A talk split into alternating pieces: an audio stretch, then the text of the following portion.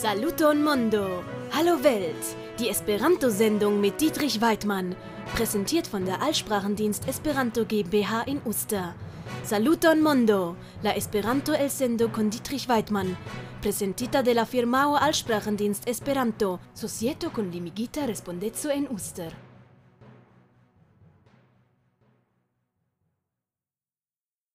Saluton cune, grüezi miteinander. Nove bonvenon ce la canalo Oxes 10 cun Saluton Mondo. Erneut willkommen bei Kanal 8610 mit Hallo Welt. Mi comenzas mien hodiauan el sendon cun la tria leziono de Esperanto curso por Germanlingvanoi.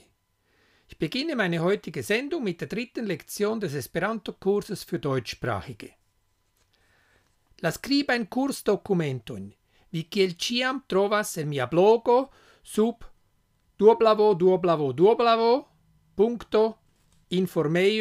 punto zum.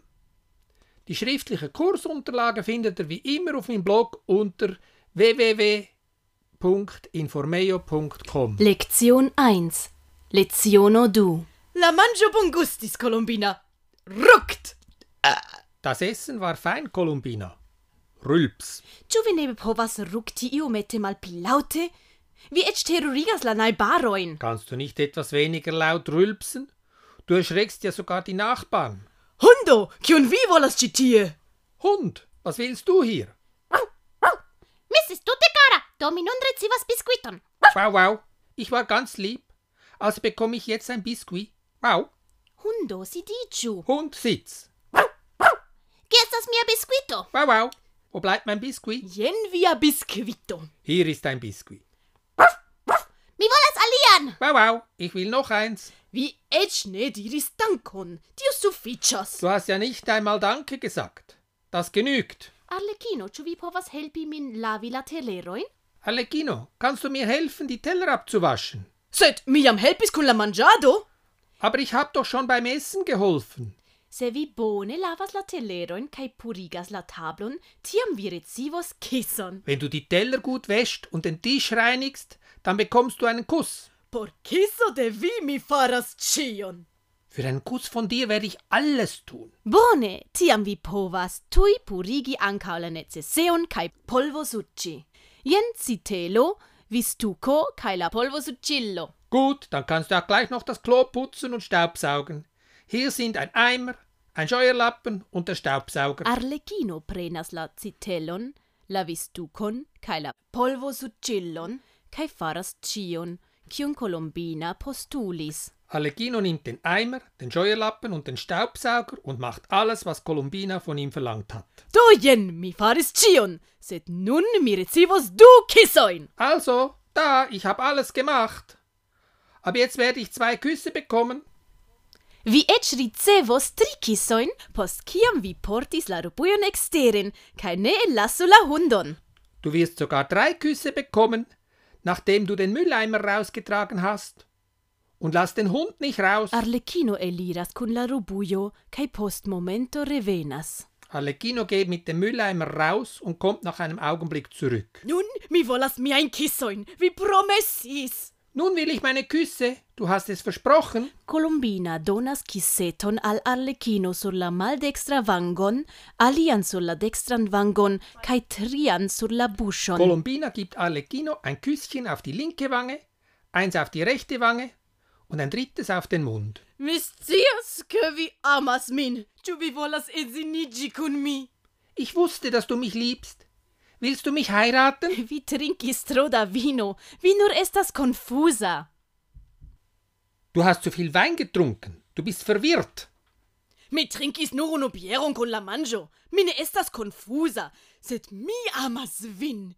Mi estas tute klara en mia menso. Ich trank nur ein Bier mit dem Essen. Ich bin nicht verwirrt, sondern ich liebe dich. Ich bin völlig klar in meinem Geist. Se vi volas edziĝi, tiam vi devas esti freneza. Wenn du heiraten willst, dann musst du verrückt sein. Edziĝu kun mi, mi amas vin. Heirate mich. Ich liebe dich. Mi devas esti stulta edziniĝi kun vi. Poste vi certe ne plu porigos mian Ich necesejon. müsste dumm sein, dich zu heiraten. Nachher wirst du sicher nicht mehr mein Klo putzen. Äh, Post kiam mi et sicis kun vi, mit schiam faros cion por vi. Nachdem ich dich geheiratet habe, werde ich immer alles für dich tun. Por tio mi ne devas edzinigi kun vi. Vi tion faras ancau sen ke ni estas geedzoj. Dazu muss ich dich nicht heiraten. Du machst das auch, ohne dass wir Eheleute sind.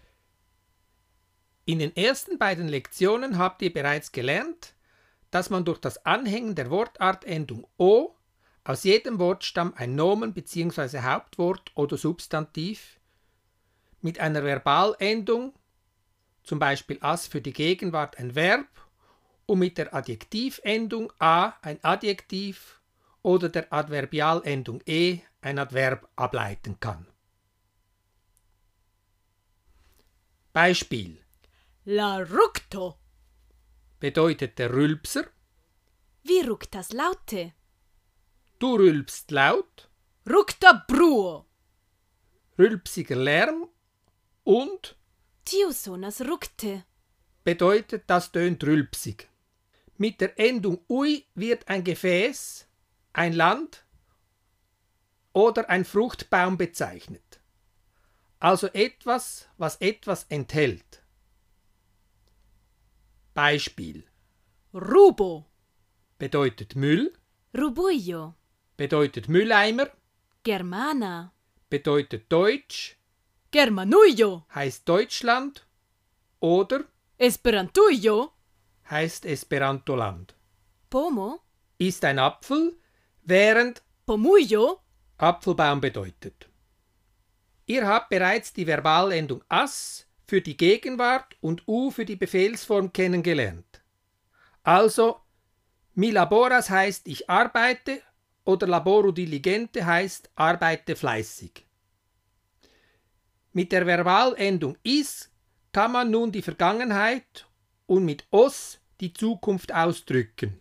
Mi morgau laboros en Zurico. Heißt somit, ich werde morgen in Zürich arbeiten. Li ructis laute. bedeutet er rülpste laut. Mit der Verbalendung us wird schließlich die Bedingungsform bezeichnet. Mi devas esti stulta se mi edzinigius kun vi. Bedeutet also, ich müsste dumm sein, wenn ich dich heiraten würde. Mit der Endung in wird die weibliche Form gebildet. Etzo. Bedeutet Gatte oder Ehemann, Edzino. bedeutet Gattin oder Ehefrau. Die Vorsilbe ge bezeichnet, dass ein Nomen beide Geschlechter umfasst. Geedzoi. Bedeutet somit Eheleute oder Estimai gesignoroi. heißt verehrte Damen und Herren. Die Endung L bedeutet aus bzw. hinaus oder raus. Mi iras. Heißt ich gehe, Mi eliras. heißt ich gehe hinaus. Die Endung ij bedeutet so viel wie werden, einen Zustand annehmen bzw. entspricht dem Reflexivum sich. Sidi heißt sitzen. Sidiji bedeutet also sich setzen. Lito heißt Bett, mi elidijas, wörtlich ich werde aus dem Bett, also ich stehe auf. Und mi elidijis heißt ich bin zu Bett gegangen. So wird aus dem Stamm ed das Verb für heiraten abgeleitet. Edsigi bedeutet dabei wörtlich zum Ehegatten werden, also heiraten für einen Mann. Bei einer Frau muss man hingegen für heiraten edzinigi sagen, also zur Ehefrau werden. Bei einem Paar aus Mann und Frau heißt es ilige edzijas, für sie heiraten. Damit sind wir am Ende von Lektion 3 angekommen. Das schriftliche Kursmaterial könnt ihr in meinem Blog unter www.informeo.com herunterladen.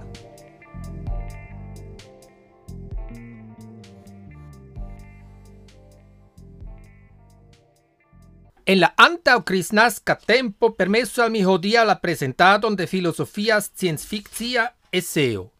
La ideo venis al mi, che mi vidis post al plenadicio sur titano la bildoin de la usonas spazflugilo Hütchens en la jaro 2005.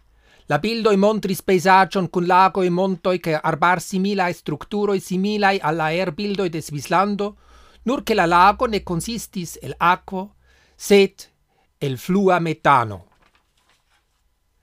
La esseo titol ligas Existas vivo sur tero.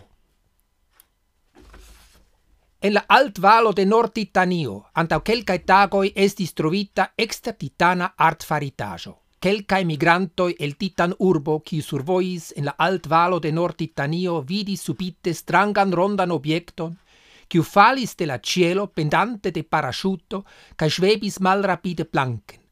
Post longa marcio ili atingis, venont matene la ebenagion sur cio altitanicis la stranga obiecto.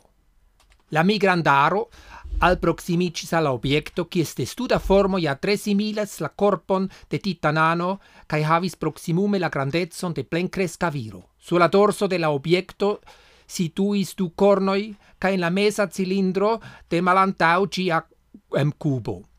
Sulla rando de la dorsa chirasso trovicis tri ringoi, en cie en kiui estis fixita schnuregoi snuregoi, ligis la obiecton alla parasciutto cusciante sur planche. Je la suba flanco de la objekto troviĝis lumfonto. La strange brilanta materialo estis absolute fremda alla titananoi. La estaĵoj kiu construis ĉi art artobjekton devis posedi teknikon, kiu jarmilojn antauas la teknikon konatan sur Titano. Piotro la gvidanto de la migrantaro faris desegnon de la objekto. Per trancilo li fortrancis pecon de la paraŝuto, tiam la grupo ekiris la hejmvojon al Titanurbo. Post sia alveno en titan urbo Piotro rapidis alla palazzo cae transtonis la pezzon de la parachut duco alla reggio. Venont mattene Piotro cae simil cae la aliae membroi de la migranta gruppo estis vocitai alla palazzo, che la reggio intertempe convenigis la scienzistoin de la imperio. Piotro cae la aliae accompagnantoi prescribis la trovagion, cae la regioi decidis sendi expedizion por la savo de la artfaritajo alla altvalo de Nord Titanio. Venont vespero la expeditio ecis. La altitanigeo trovicis en sen voia stona regiono fore de la civiliso, ca de la plei proxima voio, cial bona equipaggio necessis. La sequantaro cae equipaggio consistas el glaciciaro tirata de ses fortai chargiras lacertoi, dec rait soldatoi sur kiras lacertoi cae quardec piet soldatoi de la reccia gardistaro, cae la charo plene da mesuriloi cae savoteamo de la reccia Academio de la Sciencisto estis. Postri taga marciato la colono atingis la nord-italan altvalon cae retrovis la art objecton. La soldatoi cin levis alla glaciciaro cae tiam la colono ecis la malfacilan malsupreniron. La messaggio pri la evento fulm rapide estis disvastigita sulla tutta planeto. Pere de lum la informo estis transetita al ciui logiatae setlejoi de la planeto. Ciam la successa expedizio post unu semaino atingis titan urbon, miloi da titanano staris porte de la strato de la urbeto pordeco cis la regia palazzo. Exter titana artfaritajo estis exposicita en la enirhalo de la Regia Academio de la Scienzo kaj la plej signifa sciencisto de tutta titano komencis la esplorato. La malkovro estis ŝoko por la tutta mondo. La titana titananoj ne estis solaj en la universo. Multnombraj filosofoi kaj poetoi jam de jarcentoj supposis, che ie en la profundeco de la kosmo devas ekzisti aliaj loĝataj mondoj ciam dum unu de la maloftae sennubae noctoi videblis la giganta Saturno con siai brillantae ringoi, cae siai sestec tu lunoi en la cielo, tiam la poetoi ecrevadis, sed per la observado de la stel cielo, helpe de la ciam pli bonae telescopoi nur confirmicis che ciui astroi circavantae Saturnoin estis viv malamicae desert mondoi. Quelcae sciencistoi opinias che eventuale en la sistemo de uno e la alia planetoi qui circauas la centran stelon povus existi vivo. Ien exemple Jupitero, sed sur ciae lunoi, nur sur la polusoi povus existi metano en flua formo. Tio signifas, se sur la lunoi de Jupitero en tutte existas vivo, tiam devas temi pri tre simplae vivo formoi. La exterae planetoi Urano cae Neptuno sia vice estas tro malvarmai, tiel che metano nur en frostita formo povas existi, ca la interna planedoi Marso, Tero, Venuso, ca la antau mallonga tempo malcovrita plei interna planedo Mercuro, estas varmegae ardo planetoi sur cui metano cae etano povas existi nur kiel fugemae gassoi. Vivo en la formo conata de titano tie complete ne estas imagebla. Viva sentitan urbo tamen sciencistino nomita Manitubo, quia iam antau iom da tempo disvastigis la frenesan opinion che sulla internai ardomondoi de la sun sistemo eventuale povus existi vivo, quancam ciui est sciencistoi defendis la opinion che viva povus existi nur en vivebla zono, tio estas en tiu malarcia sectoro de la sun orbito de Saturno, tiu sectoro en kiu la temperaturoi estis inter la fando cae bol puncto de metano cae flua metano tion scias ciu eta testudo estas la nepra condicio por la esticio de la vivo. Sed Manitubo defendas la opinion che en la interna sun sistemo eventuale existas viv estajo qui basicas ne sur metano cae acetileno, sed sur flua glazio cae carbono. Flua glazio no shainas amasse existi almenau sur la blua planedo Tero, cion onitam nur povas observi cun la bonae telescopoi de la Regia Academio sur Mont Saturno, cae en la atmosfero de tiu planedo shainas existi granda quanto da venena oxigeno en gassa formo. Sed ec sur tiu oxigen vapor mondo existus viv estacioi, glazio tie existas en malflua formo nur sur la polusoi cae en la varmega temperaturo de tiu planedo ci estas tiom rompebla che ci absolute ne taugus por la fabricado de laborilo. Sed jen, tiu ci artefaritajo el fero metallo quiu anca sur la interna planeto de la sun sistemo povas existi en firma formo. Manitubo tial sin presentis anta la recia concilio de la scienzo che esprimis la opinion che tiu ci obiecto esas la pruvo de sia hipoteso privivo sulla interna planedoi. Tiu ci obiecto devenas de terro, Evidente temas pri roboto, ca la facto che cia testuta formo similas al ni titanoj pruvas, ca la reganta vivo formo sur tero est same kiel ni testudoi. Tiui vi vestaĵoj tamen spiras oxigenon ca trincas fluan glacion ca ilia metabolo basicia sur carbono. Concludo, existas vivo sur tero. nine solas en la universo. Per tio ni alvenis alla fino de nia hodiaua el sendo, ca mi gioias bonvenigi vin de nove in du semainoi, ciam audeblas Saluton Mondo! Gis reaudo! Das war Hallo Welt, die Esperanto-Sendung mit Dietrich Weidmann, präsentiert von der Allsprachendienst Esperanto GmbH in Uster. Tio estis Saluton Mondo, la Esperanto el sendo con Dietrich Weidmann, presentita de la firmao Allsprachendienst Esperanto, Societo con limigita respondezzo en Uster.